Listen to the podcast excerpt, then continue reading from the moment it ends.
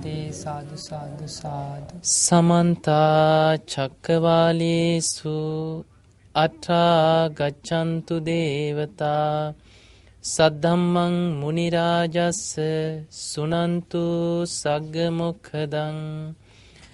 ධම්මස්සවන කාලෝ අයං බදන්තා ධම්මස්සවන කාලෝ අයං බදන්තා ධම්මස්සවන කාලෝ අයං බදන්තා සාදු සාදු සා නමෝ තස්ස භගවතු අරහතෝ සම්මා සම්බුද්දස්ස. නමෝ තස්ස භගවතු අරහතෝ සම්මා සම්බුද්දස්ස. නමෝ තස්ස භගවතු අරහතෝ සම්මා සම්බුද්දස්ස. සාදු සාදු සාදු. සාදු කියන කවුරුත් එක්ක. සාදු සාදු වාසනාවන්ත පින්වතුනි අද දවස මේ පින්වත් හැම දෙනෙක්ම ඊටාම් සද්ධාවෙන් බුදුරජාණන් වහන්සේ වදාළ ඒ උතුම් ධර්මයෙන් බිඳක් ශ්‍රවණය කරන්නයි සූදානම් වෙන්නේ. පින්වතුනි දැන් අපි තිසරණේ සරණ ගිහිල්ලා උතුම් පංචශීලයක පිහිටලා බණහන්න කියලා දෙවියන්ට ආරාධනාවක් කරනවා. දෙවියන්ට ආරාධනා කරලා මේ පින්වතුන් සූදානන් වෙන්නේ ධර්මය ශ්‍රවණය කරන්නට. මේ දේවාරාධනාව මේක පටන් ගත්තේ බුදුරජාණන් වහන්සේගේ කාලී දම පැවතුන ඔබ දන්නවා පළවෙනි ධර්ම දේශනාව බුදුරජාණන් වහන්සේගේ. මනුස්සලෝකෙන් පස් දෙනයි. බණහැවේ. කොන්්ඩංජ වප්ප බද්ධිය මහනාම අස්සචි. දිව්‍යලෝක විසිදකක දෙවියන් ඒ ධර්මය ශ්‍රවණය කරා. අකනිටා බඹලෝ දක්වාම භූමාටු දෙවියන්ගේ පටන් දම්සප් පැවතුන් සූත්‍රයේ ශ්‍රවණය කළා. ඒ ධම්ම චක්ක සූට දේශනාවේ සියලු දිව්‍ය ලෝකවල නම් සඳහන් වෙනවා. ඊළඟට අපි දන්නවා මිහිදු මහරහතන් වහන්සේ ලංකාවට වැඩම කරලා ඉස්සල්ලාම් රජතුමාට චූලහත්ති පදෝපම සූත්‍රයෙන් දහම් දෙසවා. රජතුමාට චූලහත්ති පදෝපම සූත්‍රයෙන් ධර්ම දේශනා කරලා රජතුමා බොහෝම සද්ධාවෙන් පැහැදුනා තුනුරුවන් සරණ ගියා. එදා දේවානම් පිතිස් රජතුමා ආරාධනා කරානේ ස්වාමීනී ඔබවහන්සේලා මාලිගාවට වැඩම කරමුකි අපිත් එක්කම. ඔබවහන්සේලාට සියලුම පහසුකන් සලස්සන්නන් කිව අපි. මිහිදු මහරහතන් වහන්සේ රජතුමාටිකෙන රජතුමනි ඔබතුමා යන්න කිව අපි හෙට දවස්සේ වැඩම කරන්න. අදාපට යම් කාරයක් තියෙනවා කිව. ඒ කාරිය වුණේ එදා පොසොන් පුන් පොහෝ දවසේ. රජතුමාට පළවෙනියට චූලහති පදෝපම සූට්‍ර දේශනා කරලා එදා රාත්‍රී මිහිදු මහරහතන් වහන්සේ ලංකාවට වැඩම කරා තවත් මහරහතන් වහන්සේලා කීප නමා. ඉත්තිය උත්තිය සම්බල බද්ධසාල කියන මහරහතන් වහන්සේලායි සුමන කියලා සාමනීර මහරහතන් වහන්සේ නමක් වැඩියා උන්වහන්සේ බොහෝම 이르දි බල සම්පන්න සාමණේර කෙනෙක් වුණාට පුදුම 이르දිමේ හැකියාවක් තිබ භික්ෂුවක්. මිහිඳු මහරහතන් වහන්සේ මේ සුමන කින සාමණේර මහරහතන් වහන්සේට කියනවා ස්වාමීනි ඔබ වහන්සේ 이르දියෙන් මේ මුළු ලංකාව පුරාම ඉන්න සියලු භූමාටු දෙවිවරුන්ට වෘක්ෂ විමාන කරගත් දෙවි දේවතාවුන්ට පර්වත විමාන කරගත දෙවි දේවතාවුන්ට ඊළඟට යම් පැම්පොකුණු ගස් ඒ විතරක් නෙමේ චාතුම් මහරාජික යාමේ තුසිත ආදී දිව්‍ය ලෝකවල ඉන්න දෙවියන්ටත් ධර්මයට කැමති අමනුෂ්‍ය කොටස් ඉන්න. ඒ සියලු අමනුෂ්‍යයන්ටත් බණහන්න එන්න කියලා 이르දියෙන් හඬක් පිට කරලා යවන්න කියව. ධර්ම කෝලහලයක් කරන්න කියව. ඒ කෝලාහලෙට එදා මේ මුළු ලංකා දීපේ පුරාම හිටපු කෝටි ප්‍රකෝටි සංඛ්‍යාත දෙවි දේවතාවුන් අමනුෂ්‍ය කොටස් මිස්සක පව්වට වැඩම කරා එදා රාත්‍රී.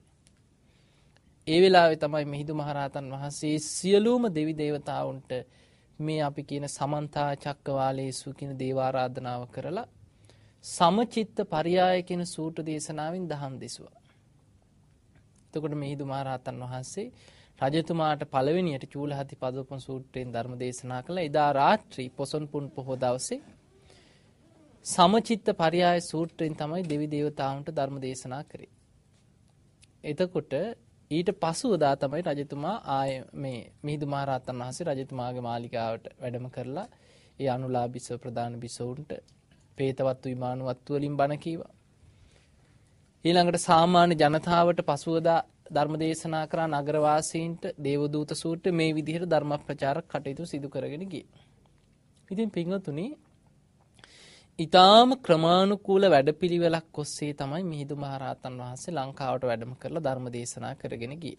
ඒ නිසා මුන්වහන්සේට හැකියාව ලැබුණා පළවෙනි මාසයේ අවසන් වෙනකොට ලංකාවට වැඩම කරලා ඇසල පුන් පොහෝ දවස වෙනකොට පොසොන් පුන් පොහෝ දවසේ ලංකාවට වැඩම කරා ඇසල පෝය වෙනකොට ලංකාවේ සිංහල අය අතරින් මාසයක් අවසන් වෙනකොට හැට දෙනමක් අරහත්වයට පත් වුණා.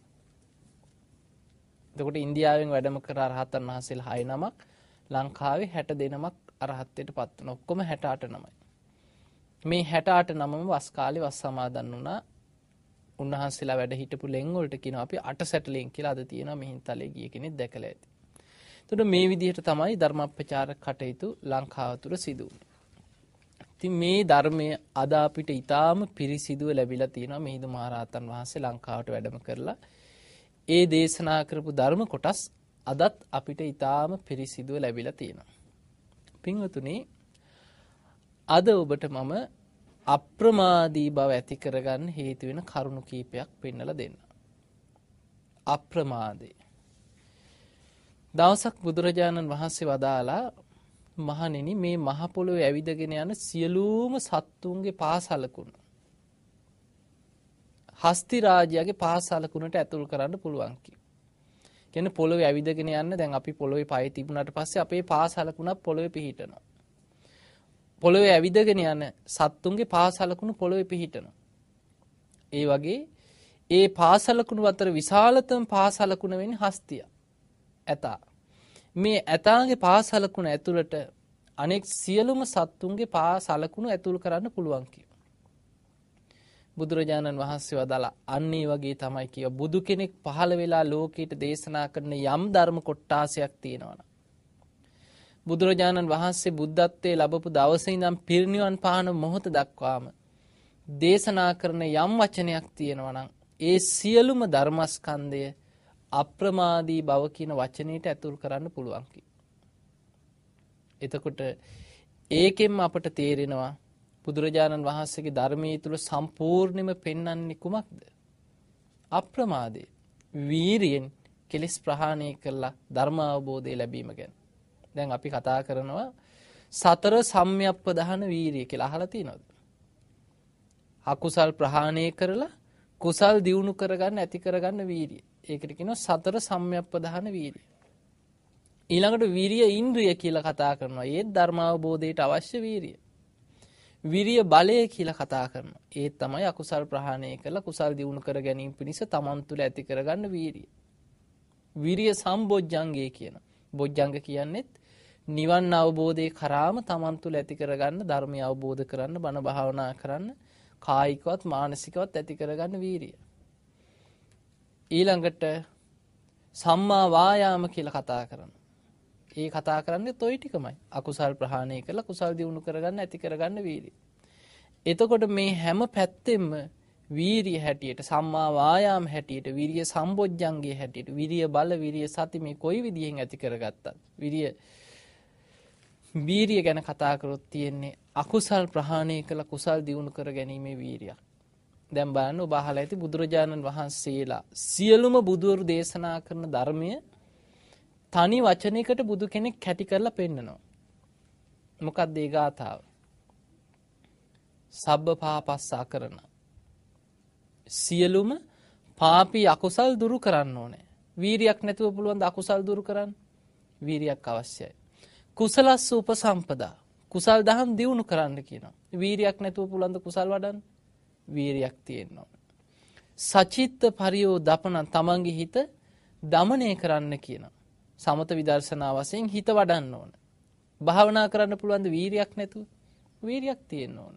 ඒ තම් බුද්ධානුශාසන. මේක තමයි බුදුරජාණන් වහන්සේලාගේ අනුශාසනාවේ. එතකොට දැන් අපි සීලේ ගැන කතා කරනවා. ප්‍රාණඝාතයෙන් වළකින්නත් වීරියක් තියෙන්න ඕන. හොරකමෙන් වලකින්න වීරියක් තියෙන්න ඕන. වැරදි කාම සේවනින් වලකින්න වීරියක් තියෙන්න ඕන.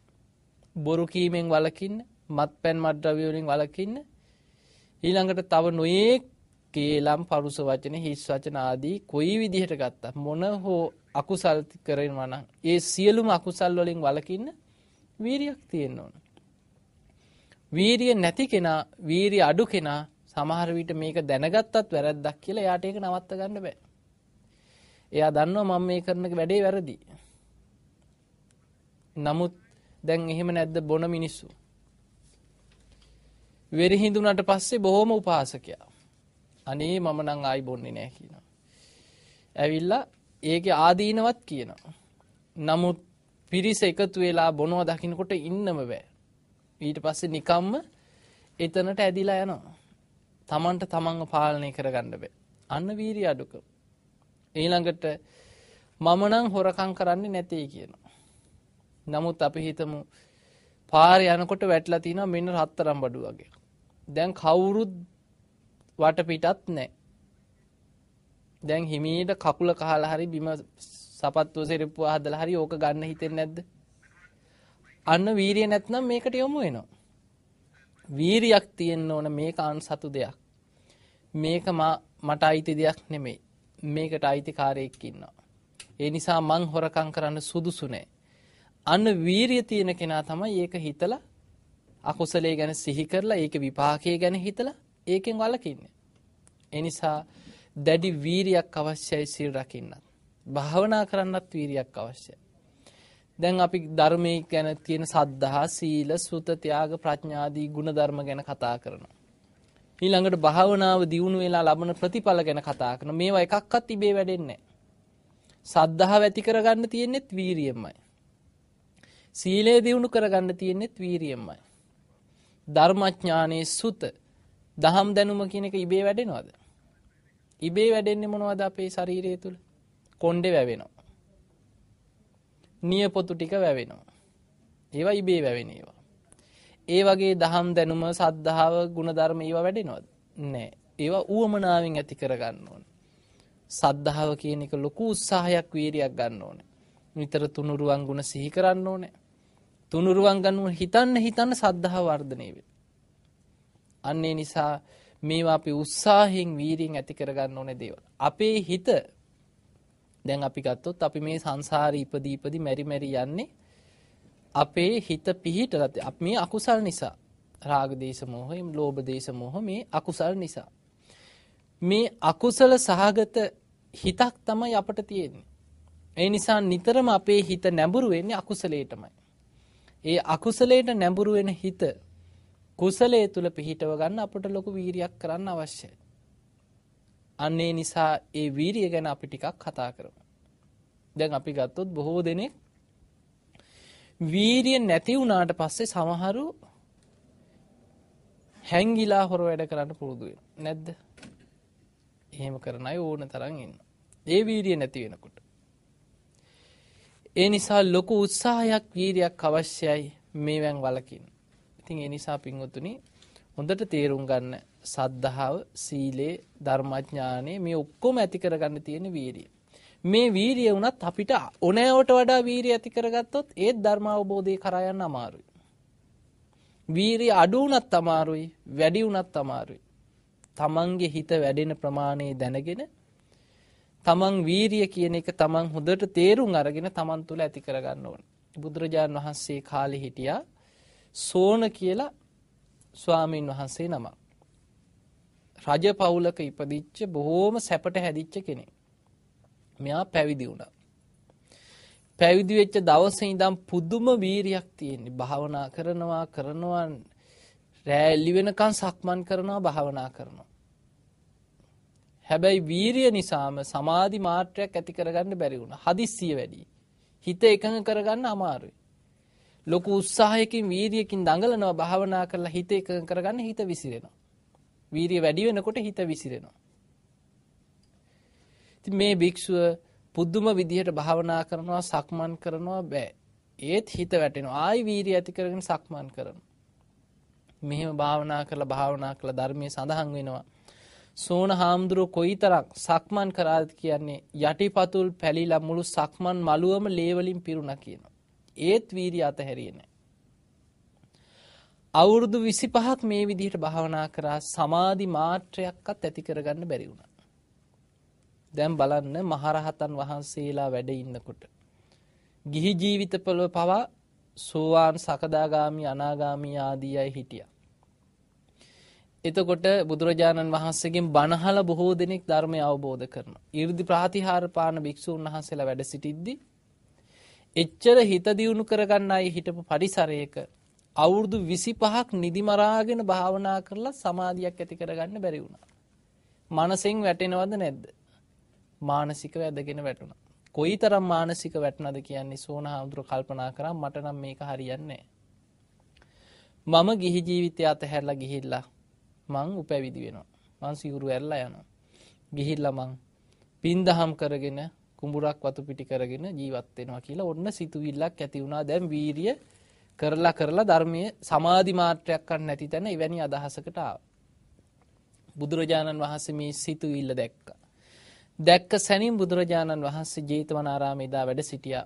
උන්වහන්සේ එතනින් අතුරුදහන් වෙලා සෝන හාමුදුරුව භාවනා කරගෙන හිටපු වනාන්තරේ කුටිය ළඟ පහළ පහළ වෙලා අහනවා සෝන ඔබ දැන් මොන වගේ සිතුවිල්ලක්ද හිතුවේ කියලා ඇහුවා. අනේ ස්වාමීනි වීරිය කරලා කරලා බැරිම තැන මම සිවුරු ඇරලා යන්න හිතුවා කිව්වා. බුදුරජාණන් වහන්සේ වදාළ සෝන ඇයි ඔබ එවැනි සිතුවිල්ලකට ආවේ? අනේ ස්වාමීනි මං අවුරුදු 25ක් තිස්සේ වීරිය කරනවා මට සමාධියක්වත් නැහැ කිව්වා. ඒ වෙලේ බුදුරජාණන් වහන්සේ බලන්න උන්වහන්සේගේ උපමා කෙනෙකුට තේරෙන විදිහට එයාට තේරෙන භාෂාවෙම පෙන්වලා දෙනවා කොහොමද වීරිය කරන්න ඕන. බුදුරජාණන් වහන්සේ අර සෝන ඔබ ගිහි ජීවිතේදී මොකද කරේ? පැවිදි වෙන්න කලින් මොකද්ද කරපු රස්සාව කියලා ඇහුවා. ස්වාමීනි භාග්‍යතුන් වහන්සේ මම සිතාර් වාදකයෙක් කියෝ. ඔබ දැකලා ඇති අර ලොකු තියෙන සිතාර් කියලා සිතාර් වාදකයෙක්. බුදුරජාණන් වහන්සේ අහන සෝන දැන් ඔබ සිතාර් වාදනය කරද්දී කොහොම දැහුව මේ සිතාරේ තත් තියාගන්නේ. ඕනෑවට වැඩිය මේ තත් තද කරොත් පුළුවන් දැහුව මිහිරි ස්වරයක් ගන්න. අනේ ස්වාමීනි බෑ කියෝ. ඕනෑවට වැඩිය ලිහිල් කරලා තිබ්බොත් පුළුවන් දැහුව මිහිරි ස්වරයක් ගන්න. ස්වාමිනී එහෙමත් බෑ කියෝ. එහෙනම් කොහොම දැහුව ඔබ සිතාර් වාදනය කරේ. ස්වාමීනි තත් මේ සිතාරුල තියෙන තත් ඕනෑවට වඩා තද කරන්නෙත් නැතුව ලිහිල් කරන්නෙත් නැතුව මධ්‍යස්ථ ප්‍රමාණයෙන් කිව්ව තියාගත්තේ. අන්න එතකොට තමයි කිව්ව මිහිරි ස්වරයක් එන්නේ. බුදුරජාන් වහන්සේ වදාළ සෝන ධර්මය අවබෝධ කරන්න නම් වීරිය කරන්න ඕනෙත් ওই විදිහට කියෝ. ඕනෑවට වඩා දැඩි වීරියක් කරන් උත්සාහ කරනකොට හිත විසිරෙනවා කියෝ. එතකොට තමන් කරන්නේ මොකද්ද කියලා තමන්ට තේරුම් ගන්න බෑ. සාමාන්‍ය කියමනට කියන්නේ ජනවහරයට හදිසියට ක්‍රොස් කටේ අත දාගන්න බෑ කියලා. අන්න ඒ වගේ දඟලනවා දඟලන භාවනා කරන පුදුම උත්සාහයක් ගන්නවා. නමුත් හිත පිහිටව ගන්න භාවනා අරමුණ අල්ල ගන්න බෑ. වීරිය වැඩි නිසා හිත විසිරෙනවා. බුදුරජාන් වහන්සේ වදාළ හැබැයි වීරිය ඕනෑවට වැඩිය අඩු වුණොත් වෙන්නේ නිදිමතට කුසීතකමට අලසකමට යනවා කිව හිත. ඔබ දැකලා නැද්ද භාවනා කරන්න ඉඳගෙන එහෙම නිදි බෙල්ල කඩාගෙන වැටිලා කෙල පෙරාගෙන එහෙම ඉන්න අය දැකලා නැද්ද? ඉන්නවා භාවනා කරනවා එහෙම විනාඩියයි දෙකයි බෙල්ල කඩාගෙන වැටෙනවා එහෙම සමහරු ස්පීන් වගේ හාට මෙහාට පැද්දෙනවා ඒ මොකද වීරිය අඩුයි එතකොට අඩු වීරියක් අරගෙන ධර්මය අවබෝධ කරගන්න බෑ. හිත නිදිමතට යනවා කුසීතකමට යනවා කම්මැලිකමට යනවා. තීන මිද්දේ බලවත් වෙනවා. වීරිය ඕනෑවට වඩා වැඩි වුණාට පස්සේ වෙන්නේ උද්දච්චයට යනවා. හිත විසිරෙන්න බලනවා. බලන්න බුදුරජාණන් වහන්සේ පෙන්වන හැටි. එතකොට වැඩි වීරියකුත් නැතුව ඕනෑවට වැඩි අඩු වීරියකුත් නැතුව භාවනාවට හිත එකඟ කරගන්න පුළුවන් මට්ටමේ මධ්‍යස්ත වීරියක් පවත්ව ගන්න කියෝ. අන්න සෝනහාමුදුරන්ට ඒ අවවාදි දීලා බුදුරජාණන් වහන්සේ වැඩම කරා. මේ අවවාදයේ තේරුම් ගත සෝනහාමුදුරුවෝ එදා රාත්‍රී ටිකක් සැහැල්ලුවෙන් ඉඳලා භාවනා කරන්න පටන් ගත්තා. ඒ අවවාදයේ දීලා සතියක් ගියේ නෑ අරහත්ත්වයට පත් වුණා. බලන්න අවුරුදු 25ක් භාවනා කරා සමාධි මාත්‍රයක්වත් නැහැ. එතකොට ධර්මය අවබෝධ කරගන්න පිනක් නැතුවද හිටියේ? පිනක් තිබුණා. නමුත් ක්‍රමයේ අල්ලගන්න බැරි වුණා. Taman කොහොමද වීරිය කරන්න කියන එක දන්නේ නැහැ.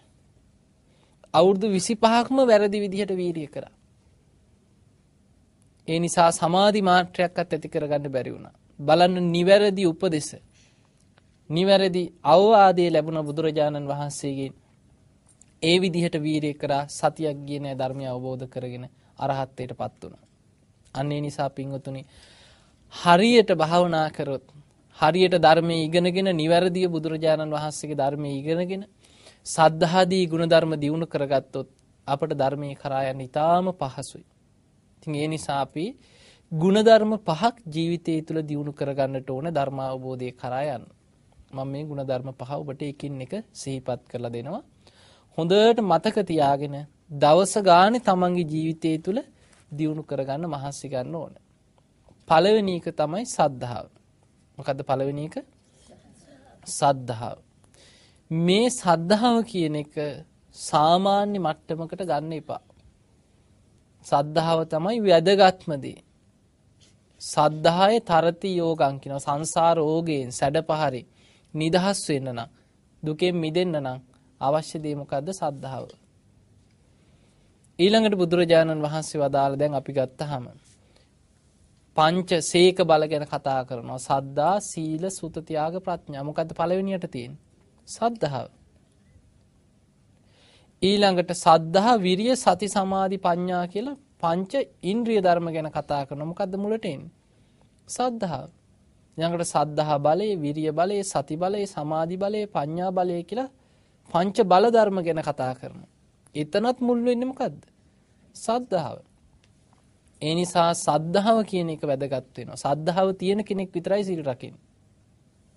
සද්ධාව තියෙන කෙනා විතරයි අපාය බය ඇති කරගෙන ධර්මය අවබෝධ කරගන්න මහන්සි ගන්න. සද්ධාාවක් නැත්නම් එයා ධර්මයේ කරා යන්නේ. ඒ නිසා තුනුරුවන් ගැන සද්ධාව ඇති කරගන්න ඕන. තුනුරුවන් ගැන සද්ධාව ඇති කරගන්න නම් නිතර තුනුරුවන් ගුණ සිහි කරන්න ඕන. බුදුරජාණන් වහන්සේ මේ මේ ගුණයෙන් යුක්තයි කියලා සිහි කරන්න ඕන. ධර්මයේ කියන්නේ මේ මේ මේ මේ ගුණවලින් යුක්තයි.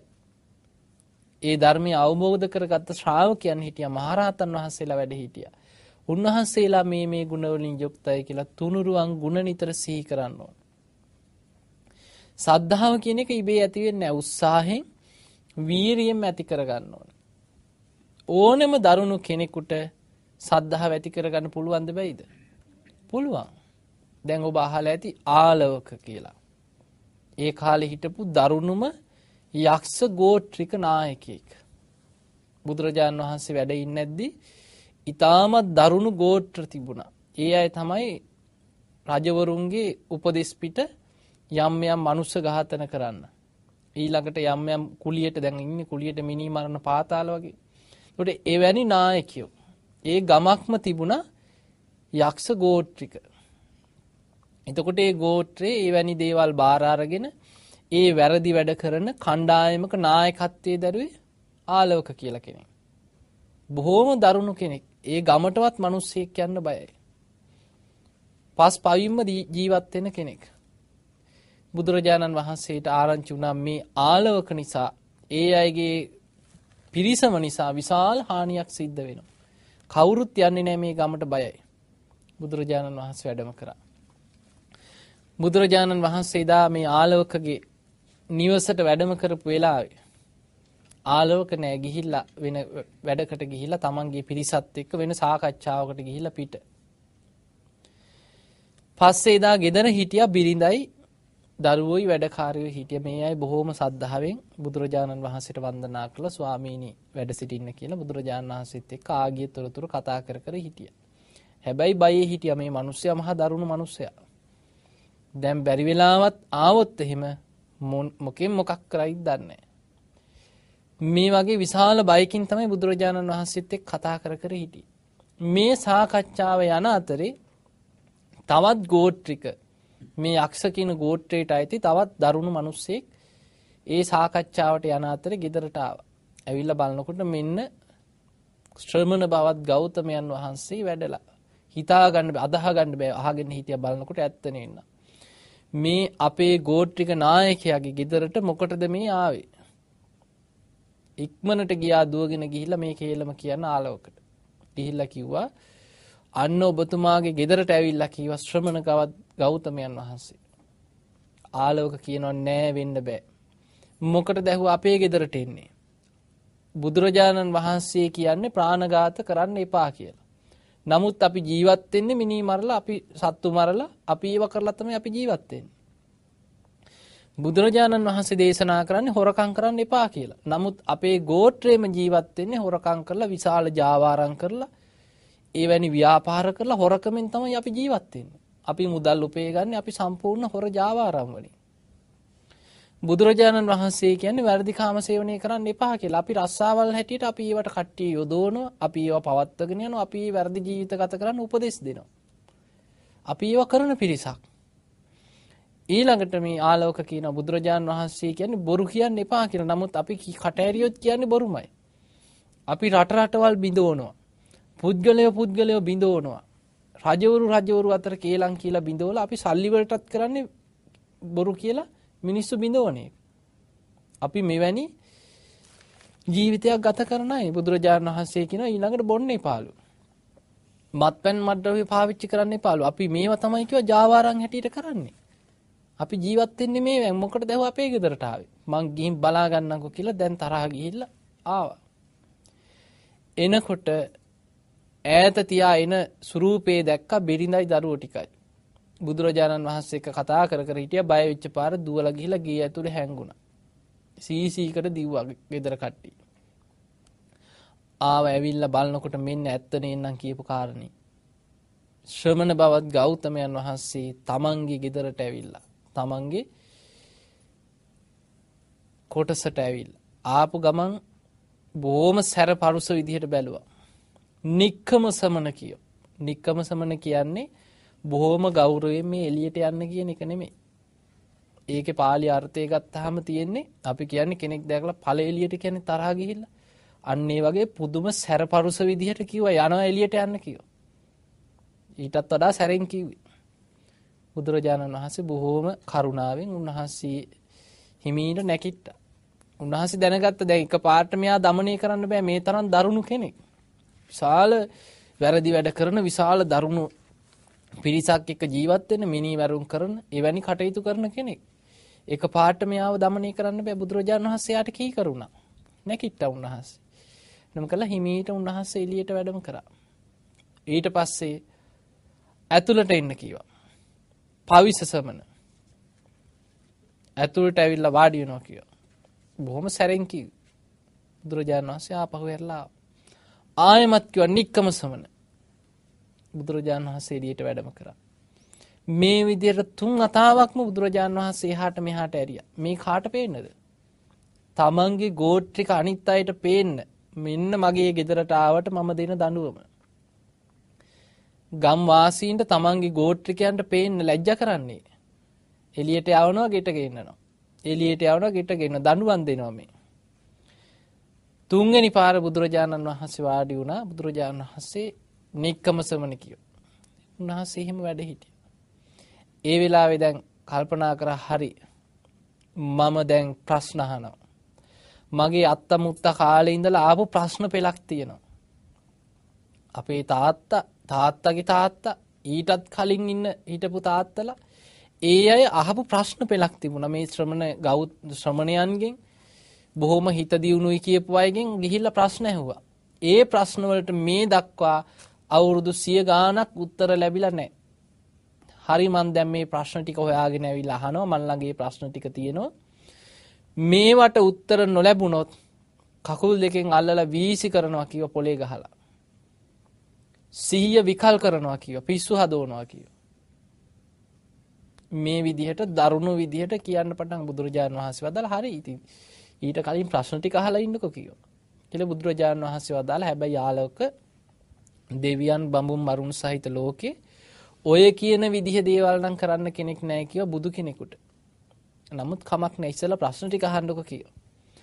දැන් ආලෝක ගිට ගිහිල්ලා තමන්ගේ පරණ සේප්පුවකින් ගත්ත මේ ප්‍රශ්න ටික අරගෙන බොහොම ගෞර අරගෙන ඇවිල්ලා මේක තමන්ගේ පරම්පරාවෙන් ආපු පාරම්පරික වස්තුවක් මේ ප්‍රශ්න කාටවත් උත්තර දෙන්න බැරි ප්‍රශ්න පෙළ. අරගෙන ඇවිල්ලා මේ පුස්කොළ පොට්ටි අරගෙන ඇවිල්ලා බුදුරජාණන් වහන්සේ ළඟ ඉස්සරහා ඉඳගෙන දැන් ප්‍රශ්න කරන්න පටන් ගත්තා. කියන්න කිව්වා මේකට හේතුව.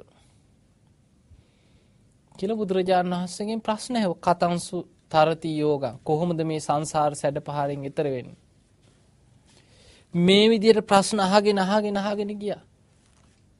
බුදුරජාණන් වහන්සේ පිළිවෙලට එකින් එක එකින් එක විස්තර කර කර විස්තර කර කර කරුණු කියලා දුන්න ධර්ම දේශනා කරා. මෙන්න දිගින් දිගටම අවුරුදු සිය ගණනක් තිස්සේ නොලැබිච්ච ප්‍රශ්නවලට උත්තර ලැබුණා. අන්න තමන්ගේ හිත පෙරළුණා පරිවර්තනය වුණා. අර දරුණු ස්වභාවය හේම නැතුව ගියා. බුදුරජාණන් වහන්සේගෙන් ඊළඟට අහන දැන් බලන්න අහන ප්‍රශ්න ටික සංසාර සැඩපහරෙන් ඈතර වෙන්නේ කොහොමද? මේ විදිහට ප්‍රඥාව ලබන්නේ කොහොමද? කතංසු ලබතේ පඤ්ඤා. බුදුරජාණන් වහන්සේ ලස්සනට උත්තර දුන්නා සද්ධානෝ අරහතන් ධම්මං නිබ්බානප්පත්තිය. සුස්සූසා ලබතේ පඤ්ඤා අපමත්තෝ විචක්කුණෝ බුදුපසේ බුදු මහරහතන් වහන්සේලාගේ ධර්මය අහලා ඒ ඇසූ ධර්මයේ මතක තියාගෙන හොඳට නුවණින් විමසන්න කිය ප්‍රඥාව ලැබෙනවා කිය.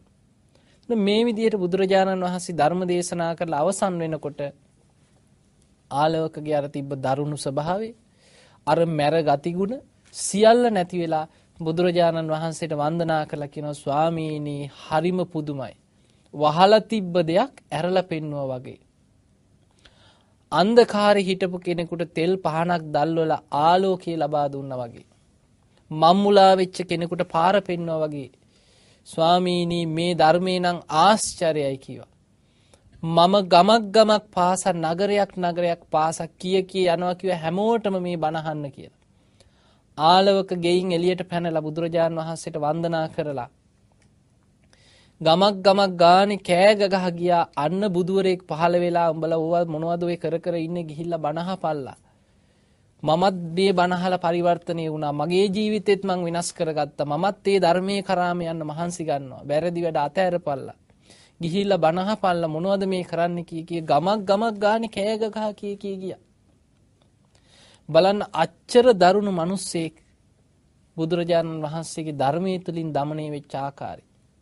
ඒ පුද්ගලයා මරණයට පත්වෙලා එදා ආලවක කියන යක්ෂ ගෝත්‍රය හිටපු නායකයා. අද බුදුරජාණන් වහන්සේගෙන් බණහාල ධර්මය අවබෝධ කරගෙන මරණයට පත්වෙලා අද වෛශ්‍රවන දෙවියන් යටතේ ඉන්න යක්ෂයංව පාලනය කරන යක්ෂ සේනාධිපති කෙනෙක් හැටියට අද ඉපදිලා ඉන්නවා. ආලෝක යක්ෂ සේනාධිපතින් වහන්සේ. අද ආටානාටිය සූත්‍රයේ සඳහන් වෙනවා යම්කිසි අමනුස්සෙක් තුනුරුවන් සරණ ගිය ශ්‍රාවකයෙකුට හිරිහැර පීඩා කරනවා නම් ඒ යක්ෂ සේනාධිපතිවරුන්ට කතා කරලා හඬ නගා කියන්න කියනවා. අයං යක්කෝ ගන්හාති මේ යක්ෂය මට කරදර කරනවා. අයං යක්කෝ ආවිසති මේ යකා මට ආවේශ වෙනවා. අයං යක්කෝ හේටේති මේ යක්ෂයෙක් මට හිංසා කරනවා. අයං යක්කෝ විහේටේති මට දැඩිව පීඩා කරනවා. අයං යක්කෝ නමුංචති මේ යක්ෂයෙක් මාව අතහැරලා යන්න දෙන්නේ නැහැ කියලා හඬනගා කෑ ගහලා කියන්න කියනවා. ඉන්ද්‍රෝ සෝමෝ වරුණෝ භාරද්වාජෝ ප්‍රජාපති චන්දනෝ කාමසෙට්ටෝ නින්නිගණ්ඩු නිගණ්ඩුච මේ විදිහට යක්ෂ සේනාධිපතිරුන්ගේ නම් කියනවා. එතන තියෙනවා ආලවකෝ කියලා. එතකොට ආලවක කියලා අද යක්ෂ සේනාධිපතියෙක් හැටියට ඒ කියන්නේ යක්කුන්ව පාලනය කරන බලවත් දෙවි කෙනෙක් හැටියට වෛශ්‍රවණ දෙවියන්ගේ ආවතේවකම් කරන කෙනෙක් හැටියට අද ඉපදිලා ඉන්න දිව්‍ය ලෝකෙ. එතකොට ඒ තරම් පරිවර්තනයක් කරගෙන සුගතියේ ගියේ අච්චර වැරදි වැඩ කරපු මිනිස්සේ. මහා දරුණු මිනී මැරුම් කරගෙන වංචා කරගෙන විශාල රටටම පිළලයක් වෙච්ච පුද්ගලයෙක්. ඒ සියල්ල අතහැරියා තුනුරුවන් සරණ ගිහිල්ලා ධර්මයේ පිහිටිය. අන්නේ නිසා පින්වතුනි ධර්මයේ පිහිටියට පස්සේ කෙනෙක්ගේ ජීවිතයක් පුදුමාකාර විදිහට පරිවර්තනය වෙනවා. අපිට කෙනෙක් දිහා පිටින් බල්ලා කියන්න බෑ ආ මෙයා නම් උපාසකෙක්. අපි පිටින් එහෙමනේ බලන්නේ. සුදු ඇඳගෙන ඉන්නවන කෙනෙක් දිහා පිටින් බල්ලා කෙනෙක් බොහොම බිම් බලාගෙන යනවා නම් ආ මෙයා නම් බොහොම හොඳ උපාසකෙක් කියන. මෙයා නම් හොඳ ගුණ යහපත් කෙනෙක් කියන. අපිට කෙනෙක්ගේ පිටින් චරිතය දිහා බල්ලා එහෙම තීරණයකට එන්න පුළුවන්. එහෙම බෑ. සමහර වෙලාවට ඒ උපාසකයා වගේ ඉන්න කෙනා සමහරලාට ධර්මයේ දියුණු කරන්න දක්ෂ නැහැ. ධර්මය අවබෝධ කරගන්න දක්ෂ නැහැ. සමහරට මලක් පහනක් පූජා කරනවා එච්චරයි. හරියට ශික්ෂාපදයක් ආරක්ෂා කරගන්න වීරියක් නැහැ. නමුත් අපි නොසිතන අය ධර්මයේ කරා යනවා. එනිසා පින්වතුනි හොඳට මතක තියාගන්න ධර්මයේ කරා යන්න අවශ්‍ය වෙන්නේ වීරියයි.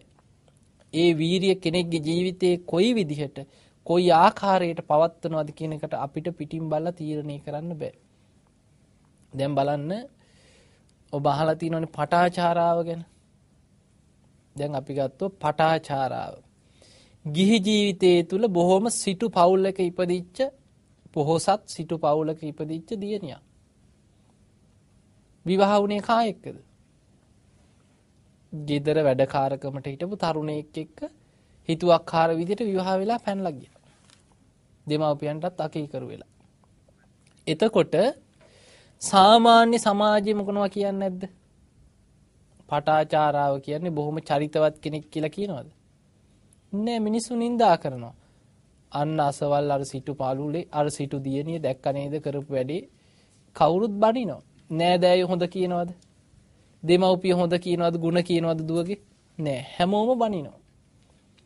හැබැයි ඒ ගිය ස්වාමියා එක්ක හරියට හිටියෙත් නෑ. ස්වාමියාටත් අකීකරු වෙලා දරුවෝ දෙන්නෙක් ලැබුණා දරුවෝ දෙන්නම අරගෙන ඉන්න ඇවිල්ලා අන්තිමට ස්වාමියට සර්පෙක් දෂ්ට කළ මරණයටපත් වුණා. හිතුවක්කාර විදිහට එන්න ඇවිල්ලා. ඊළඟට දරුවෝ දෙන්නත් නැති වුණා.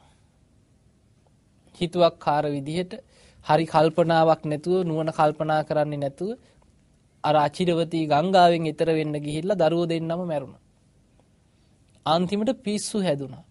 සිහි කල්පනාවක් නැතුව ඇඟේ ඇඳුනුත් නැතුව දෙමව්පියොත් මැරිලා. පිස්සුවෙන් වගේ පාරේ ඇවිදගෙන ගියේ. ඔබ මේ මේ මේ වගේ දෙයක් වෙච්ච කෙනෙක් ගැන සාමාන්‍යයෙන් මේ ටික අරගෙන හිතලා බලන්න. මෙහෙම කෙනෙක් පාරේ යනකොට ඇඟේ ඇඳුනුත් නැතුව පිස්සියක් වගේ. එහෙ මෙහෙ ඇවිදගෙන යනකොට මිනිස්සු ಗುಣ කියනවද? දන්නවනම් කියන්නේ මේ අර වැඩකාරී එක්ක පැනලා මේ මේ ගෑනු කෙනාට ආන් දැක්ක නේද විපාකේ ඕම් බලාපල්ලා වෙලා ඇති සමහරු හූ කියන්නේ නැති. නොඒක් කැත කතා කියලා නින්දා පහස කරන්නේ නැති පාරේ යනකොට. හැබැයි පිස්සුවෙන් ඇවිදගෙන ගියේ කවුද? ගෞතම බුද්ධ ශාසනය තුල විනේදර භික්ෂුණීන් අතර අග්‍රම කෙනා. එතකොට ගිහි චරිතයේ දිහා බලද්දි විනයක් තිබ්බද?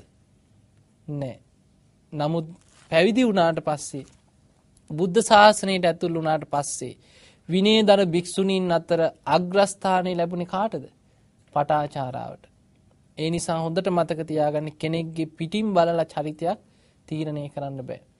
පුදුමාකාර වෙනස් චරිතයක් තියෙන පුද්ගලයෙක් බවට යා ධර්මයේ පිහිටියට පස්සේපත් වෙනවා. දැන් අඟුලිමාල මිනිමරුවෙක්. හැබැයි අඟුලිමාල ස්වාමින් වහන්සේ උන්වහන්සේට පුළුවන් වුණා පැවිදි වුණාට පස්සේ පැවිදි ජීවිතය තුළ සම්පූර්ණ වෙනස්ම චරිතයක් බවට පත් වෙන.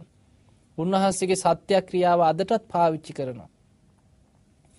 උන්වහන්සේ දරුවෙක් ලැබෙන්න හිටපු අර අම්මා කෙනෙක් ළඟට ගිහින් සත්‍යක්‍රියා කරා යතෝහම් බගිනි. බගිනි කියන්නේ නංගියේ. පින්වත් නංගියේ අරියාය ජාතියා ජාතෝ මම ආරි ජාති ඉපදිච්ච දවසේ ඉඳන් සංචිච්ච පානං ජීවිතාවෝ රූපේතා. දැන දැන කිසිම ප්‍රාණියෙක්ගේ ජීවිතයක් තොර කරලා නැහැ. තේන සච්චේන මේක සත්‍යයක්. සොත්ති තේ හෝති සොත්ති ගබ්බස්හාති. මේ සත්‍යානුභාවයෙන් ඔබ සුවපත් වෙලා සුවසේ දරුවා බිහි වේවා කියලා සත්‍යයක් ක්‍රියා කරා. ඒ සැනින් කිසිම වේදනාවක් නැතුව දරුවා බිහි වුණා. එතකොට අඟුලිමාල පිරිත අදත් පාවිච්චි කරනවා. එතකොට මම පැවිදි වෙච්ච දවසේ ඉඳන් දැන දැන කිසිම ප්‍රාණියෙක්ගේ පුංචි සතෙක්ගේවත් ජීවිතයක් තොර කරලා නැහැ මේක සත්‍යක්මයි කියලා. ඒ තරම් සත්‍යක්‍රියාවක් කරේ කවුද? මේ දහස් ගණන් මරපු මිනිමරුයි. පැවිදි වෙලා ඒ තරම් සත්‍යක්‍රියාවක් කරන මට්ටමට සිල්වත් කෙනෙක් බවට පත් වුණා. එතකොට එවැනි පරිවර්තන වෙනවා පුද්ගලයන්ගේ. ඒ පරිවර්තන ඉබේ ඇති වෙනවද? වීරියෙන් ඇති කරගන්න ඕන. ඒ නිසා වීරිය තුලින් ඕනෑම පුද්ගලයෙක් වෙනස් කෙනෙක් බවට පත් කරනවා. ඒ නිසා අපේ ජීවිතය තුළ අපි වීරියෙන් ඇති කරගන්න ಗುಣ පහක් තියෙනවා. පළවෙනි එක තමයි සද්ධාව. එතකොට නිතර තුනුරුවන් ගුණ සිහි කරන්න, බුදු ගුණ, ධර්මයේ ගුණ, ශ්‍රාවක සංඝයාගේ ගුණ සිහි කර කර සද්ධාව ඇති කරගන්න ඕනේ. ඒ තමයි පළවෙනි එක. දෙවෙනි එක තමයි සීලය. සද්දා සීල. ගිහි ශ්‍රාවකයෙක් හැටියට ඔබට තියෙන පංචශීලය. දිවි හිමියෙන් රැක ගන්නට ඕන.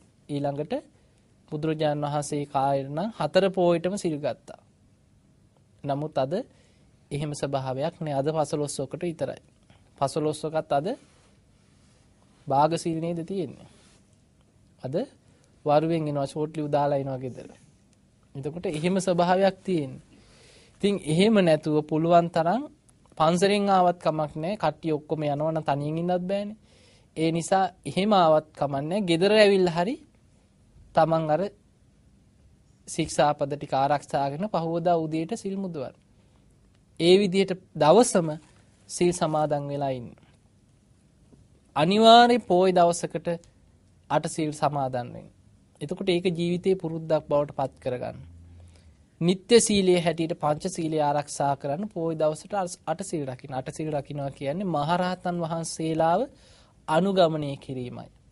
ඒක තියෙනවා විසාකා උපෝසත සූත්‍රය, බොජ්ජංග උපෝසත සූත්‍රය ආදී අංගුත්තර නිකාය දේශනාවල තියෙනවා. මහරහතන් වහන්සේලාව සිහි කරගෙන උන්වහන්සේලා මේ වගේ ජීවිතයක් ගත කරා. ඒ නිසා මාසයකට එක දවසක් හරි මමත් උන්වහන්සේලා වෙනුවෙන් මෙවැනි ජීවිතයක් ගත කරනවා කියලා අන්න තමන් තව දුරටත් සංවර වෙච්ච ජීවිතයක් ගත කරනවා. එතකොට මාසයකට එක දවසක් හරි ඔබ උත්සාහ කරන දවසම ආට සිල් රකින්න. අන්න වීරියක් තියෙන්න ඕනේ සිල් රකින්න. එතකොට දවසින් දවස දවසින් දවස සීලය දියුණු කරගන්න මහන්සි ගන්න ඕන. සද්දා සීල. තුන්වෙනි එක තමයි සුත. සුත කියන්නේ මොකද්ද? ධර්මඥානෙ සුතවත් බව ඇසූ පිරූ තැන් තියෙන කෙනෙක් වෙන්න ඕන. දහම් දැනුමක් ඇති කරගන්න ඕන. දහම් පොතපත කියවන්න ඕන. ධර්ම සාකච්ඡා කරන්න ඕන. නිතර බණහන්න ඕන. දවසින් දවස දවසින් දවස ධර්මඥානෙ වැඩෙනවා. ධර්ම සාකච්ඡා කරනකොට ධර්ම පොතපත කියවනකොට බණහනකොට Taman නොදැනුවත්වම කාලයක් යනකොට විශාල ධර්මඥානයක් Taman තුල ගොඩ නැගෙනවා. අන්නේ දහම් දැනුම Tamanට උපකාර වෙනවා සංසාර දුකින් නිදහස් වීම පිණිස. එතකොට සද්දා සීල සුත ඊළඟ එක තමයි ත්‍යාගය. අතහැරීම පුරුදු කරගන්න ඕනේ. දන් පැන් දෙන්න ඕනේ, මසුරුකම දුරු කරන්න ඕනේ, ලෝභකම දුරු කරගන්න ඕනේ. දවසක් කොසල් රජතුමා බුදුරජාණන් වහන්සේ මුණ ගැහෙන්න ඇවිල්ලා අහනවා ස්වාමීනි භාග්‍යතුන් වහන්සේ දන් දෙන්න ඕනේ කාටද කියලා ඇහුවා. බුදුරජාණන් වහන්සේ වදාලා රජතුමනි කැමති කෙනෙකුට ඔබ කැමති කෙනෙකුට දන් පැන් පූජා කරන්න දෙන්න කිව්ව. දන් දෙන්න කිව්ව. ඊළඟට කොසල් රජතුමා ටිකක් කල්පනා කරලා අහනවා ස්වාමීනි භාග්‍යතුන් වහන්සේ එතකොට කාට දුන්නොත් දැහුව මහත්ඵල මහානිසංස වෙන්නේ. බුදුරජාණන් වහන්සේ වදාළ රජතුමනි ඔය ප්‍රශ්න දෙකක් කීවා. කාටද දෙන්න ඕන කියන එක ප්‍රශ්නයක්. කැමති කෙනෙකුට දෙන්න කිව්වා. කාට දුන්නාමද මහත්ඵල මහානිසංස වෙන්නේ කියන්නේ තව ප්‍රශ්නයක් වෙන එකක්. මහත්ඵල මහානිසංස වෙන්නේ නම් රාග දේශ මෝහ ප්‍රහාණය කරන්න මහන්සි ගන්න සීල සමාධි ප්‍රඥා දියුණු කරන අයට පූජා කරන්න කිව්වා. අන්න එතකොටයි කිව්වා මහත්ඵල මහානිසංස වේ. එහෙනම් සිල්වතුන්ට ගුණවතුන්ට දන්පැන් පූජා කිරීම තුලින් රාග දේශ මෝහ ප්‍රහාණය කරන ධර්ම මාර්ගය අනුගමනය කරන ශ්‍රාවකයන්ට පූජා කිරීම තුලින් මහත්ඵල මහානිසංස වෙන විදියට පින් ලැබෙනවා. නමුත් මහත්ඵල මහානිසංස නොවුනත් පින් රැස් කරගන්න පුළුවන් තිරිසන් සතෙකුට දුන්නත් පිනක් තියෙනවා.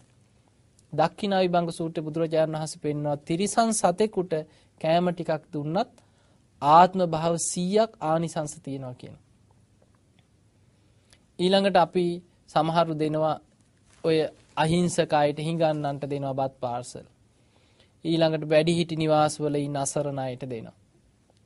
එතකොට ඒ වගේ සමහර වෙලාවට ධර්මයක් දියුණු කරන්නේ නැති වුණත් රාගදීශ මොහ ප්‍රහාණය කරන්න මහන්සියක් නැති වුණත් අපි ඒ වගේ තමාට දුස්සීලායට පුතත්ජනයට අන්‍යාගමිකයට අපි ආගම් බලන්නේ නැතුව හිඟන්නන්ට කෑම් බීම දෙනවා ඕනෑම අසරණ කෙනෙකුට උදව් උපකාර කරනවා. ඒවේ ආනිසංස තියෙනවා. ආත්ම භාව 1000ක් ආනිසංස තියෙනවා කියවා අන්‍යාගමික මිත්‍යා දෘෂ්ටික පුතත්ජන කෙනෙකුට දානයක් දුන්නොත් ආත්ම භාව 1000ක් ආනිසංස තියෙනවා කියවා මිත්‍යා දෘෂ්ටික සිල්වතෙකුට දානයක් දුන්නොත් ආත්ම භාව ලක්ෂයක් ආනිසංස තියෙනවා කියවා මිත්‍යා දෘෂ්ටික සිල්වතෙක් කියන්නේ ධර්මය අවබෝධ කරන්න මහන්සියක් නැහැ සම්මා දිට්ඨියක් නැහැ. හැබැයි අන්‍යාගම් වල නැද්ද සිල් රකින්න අය? හොරමැර වංචා නැතුව අනුන්ට කරදරයක් හිරිහැරයක් නැතුව බේබදු කන්න නැතුව වැරදි ජීවිත ගත කරන්නේ නැතුව යහපත් ජීවිත ගත කරන අය නැද්ද ඒ ආගම් වල? ඉන්නවා. එවැනි අයෙකුට අසරණ අයෙකුට උදව් උපකාර කරලා කෑම බීම වේලක් දුන්නොත් ආත්ම භාව 10000ක ආනිසංස තියෙනවා. දසදහසක් ආනිසංස තියෙනවා. නමුත් බුදුරජාණන් වහන්සේ වදාලා එතනින් එහා සෝවාන් ආදී මාර්ගඵල අවබෝධ කරගත් සෝවාන් මාර්ගයේ ගමන් කරන සෝවාන් ඵලයටපත් වෙච්ච සකදාගාමි මාර්ගයේ ගමන් කරන ඵලයටපත් වෙච්ච අනාගාමි මාර්ගයේ ගමන් කරන ඵලයටපත් වෙච්ච අරහත් මාර්ගයේ ගමන් කරන රහතන් වහන්සේලා ආදී මාර්ගඵලලාභීන්ට දෙන දානේ ආනිසංස අනන්තයි අප්‍රමේයයි කියවා. ඒක මෙච්චරයි මේ වගේ ප්‍රමාණයක් කියලා සීමා කරලා ගණන් කරලා කියන්න පුළුවන් කමක් නැහැ කිව්වා. එහෙනම් මහත්ඵල මහානිසංස වෙන ආකාරයට දන්පැන් පූජා කරගන්නත් පුළුවන්කම තියෙනවා. එතකොට දැන් මෙහෙම කෙනෙකුට හිතෙන්න පුළුවන්. අද කාලේ පින් කරන්න සල්ලි තියෙන්න ඕනේ. එහෙම කියන අය අහලා නැද්ද? අහලා තියෙනවා. හැබැයි පින් කරන්න සල්ලි නෙමෙයි පින් කරන්න තියෙන්න ඕනේ පින ගැන අවබෝධය. පින ගැන අවබෝධය තියෙන කෙනාට මහා විශාල වියදම් කර කර ලොකු පින් දහම අවශ්‍ය නැහැ. තමන්ගේ ශක්ති පමණින් පින් කරගන්න පුළුවන්. බුදුරජාණන් වහන්සේ පෙන්නනවා පින ගැන දැන් අපි ගත්තාම දාන සීල භාවනා තමයි ත්‍රිවිධ පුණ්‍යක්‍රියා.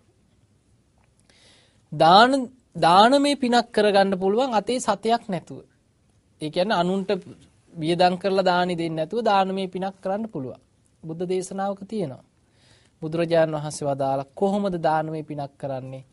තමන් උයා පිහාගත්ත ඉඳුල් භාජන තියෙනවා. මේ ඉඳුල් භාජන හෝදලා අපි නිතර විසි කරනවා. කෑම කාලා පිඟාන හොදලා විසි කරනවා. මේ ඉඳුල් වතුර විසි කරද්දී මෛත්‍රී සිතක් ඇති කරගන්න කියන මේ මහ පොළවේ ඉන්න ප්‍රාණීන්ට මේ ඉඳුල් වතුර ටික ආහාරයක් වේවා කියලා. කොයිතරම් පොළවේ ඉන්න සත්තු මේ ඉඳුල් වතුර ආහාර කරගන්නවද? ඒ මහ පොළවේ ඉන්න සතුන්ට ආහාරයක් වේවා කියන මෛත්‍රී සිතින් ඉඳුල් වතුර ටික විසිකරොත් ඒ තුලිනුත් දානමය පිනක් රැස් වෙනවා කියනවා. සතයක් වියදම් වෙනවද? නැහැ. ඊළඟට දාණයට වඩා පින් රැස් වෙනවා සීලමය පින. දාන සීල සතයක් වියදම් වෙනවද සීල රකින්න? හම්බ කරන් දේත් ඉතුරු වෙනවනේ. සුරා සූදුවෙන් තොර වෙනකොට සල්ලාලකමේ යන්නේ නැත්නම් බේ බදුකම් වලට පුරුදු වෙලා නැත්නම් හම්බ කරන එකත් ඉතුරු වෙනවා. ඊළඟට භාවනාමය පින තමයි අග්‍රම පින. වියදම් වෙනවද? සතයක් වියදම් වෙන්නේ එහෙනම් පින ගැන අවබෝධයක් තියෙනවා නම් වියදම් කරගන්නෙත් නැතුව හම්බ කරන එකත් ඉතුරු කරගෙන පින් රැස් කරගන්න පුළුවන්කම තියෙනවා. එතකොට ඔන්න දියුණු කරගන්න ඕනේ කරුණු හතරක් පෙන්ලා දුන්නා. සද්ධාව දියුණු කරගන්න ඕනේ දවසින් දවස. සීලය දියුණු කරගන්න ඕනේ. සුත්ත ධර්මඥානෙ දියුණු කරගන්න ඕනේ. ත්‍යාග අතහැරීම දියුණු කරගන්න ඕනේ ඊළඟට ප්‍රඥාව. ප්‍රඥාව කියන්නේ භාවනාව තුළින් ධර්මයේ නුවණින් විමසීම තුළින් ඇති කරගන්න අවබෝධය. අර ආලවකට බුදුරජාන් වහන්සේ පෙන්ලා දුන ආලෝක ඇහුවා කතන්සු ලබතේ පඤ්ඤා ප්‍රඥාව ලබන්නේ කොහොමද? බුදුරජාන් වහන්සේ දේශනා කරා සද්ධාවෙන් බුදුපසේ බුදු මහරහතන් වහන්සේලා දේශනා කරපු ධර්මය අහලා අප්‍රමත්තව විචක්න අප්‍රමාදීව යෝනිසෝ මනසිකාරය දෙන්න කිව්වා නුවණින් විමසන්න කිව්වා එතකොට ප්‍රඥාව ලැබෙනවා කිව්වා. එහෙමනම් ධර්මය අහලා ධර්මයේ නුවණින් විමසීම තුළ ප්‍රඥාව දියුණු කරගන්න පුළුවන්. ඉතින් ඔය කියපු කරුණ ටික හොඳට මතක තියාගන්න. මේ ලැබිච්ච මනුස්ස ජීවිතේ දවසින් දවස මොහොතින් මොහොත ගෙවිලා අවසන් වෙගෙන යනවා. අපි දන්නේ අපි තව කොච්චර කාලයක් ජීවත් වෙයිද කියලා. මෙතන කාටවත් කියන්න පුළුවන්ද? කියන්න පුළුවන් කමක් නැහැ. අපි ආයුෂ ගෙනාව සමහර විට අපේ ආයුෂ අපි උපදිනකොට ගෙනාපු ආයුෂම විඳින්න වාසනාවක් නැහැ. ආයුක්කය කියන මරණය කොයිතරම් ආයුෂ අවසන් වෙලා මැරෙන්න ආයුෂ තිබුණත් කර්මය නිසා සමහර කර්ම විපාක බලවත් වෙලා ඊට කලින් මැරෙන්න පුළුවන් කම්මක්කය. ඒ ඒ දෙකෙන්ම තොර උපච්ඡේද මරණ තියෙන හදිස්සි විපත් ස්වභාවික විපත් හදිස්සි අනතුරු නොඑක් සමහරට අමනුෂ්‍ය විපත් ආයුෂ ඉතිරි වෙලා තියෙද්දි මැරෙන්න පුළුවන්. ඉතින් ඒ නිසා අපි දන්නේ නැහැ කවදා කොයි මොහොතේ කුමන ආකාරයෙන් මොන විදියට අපි මරණයටපත් වෙයිද.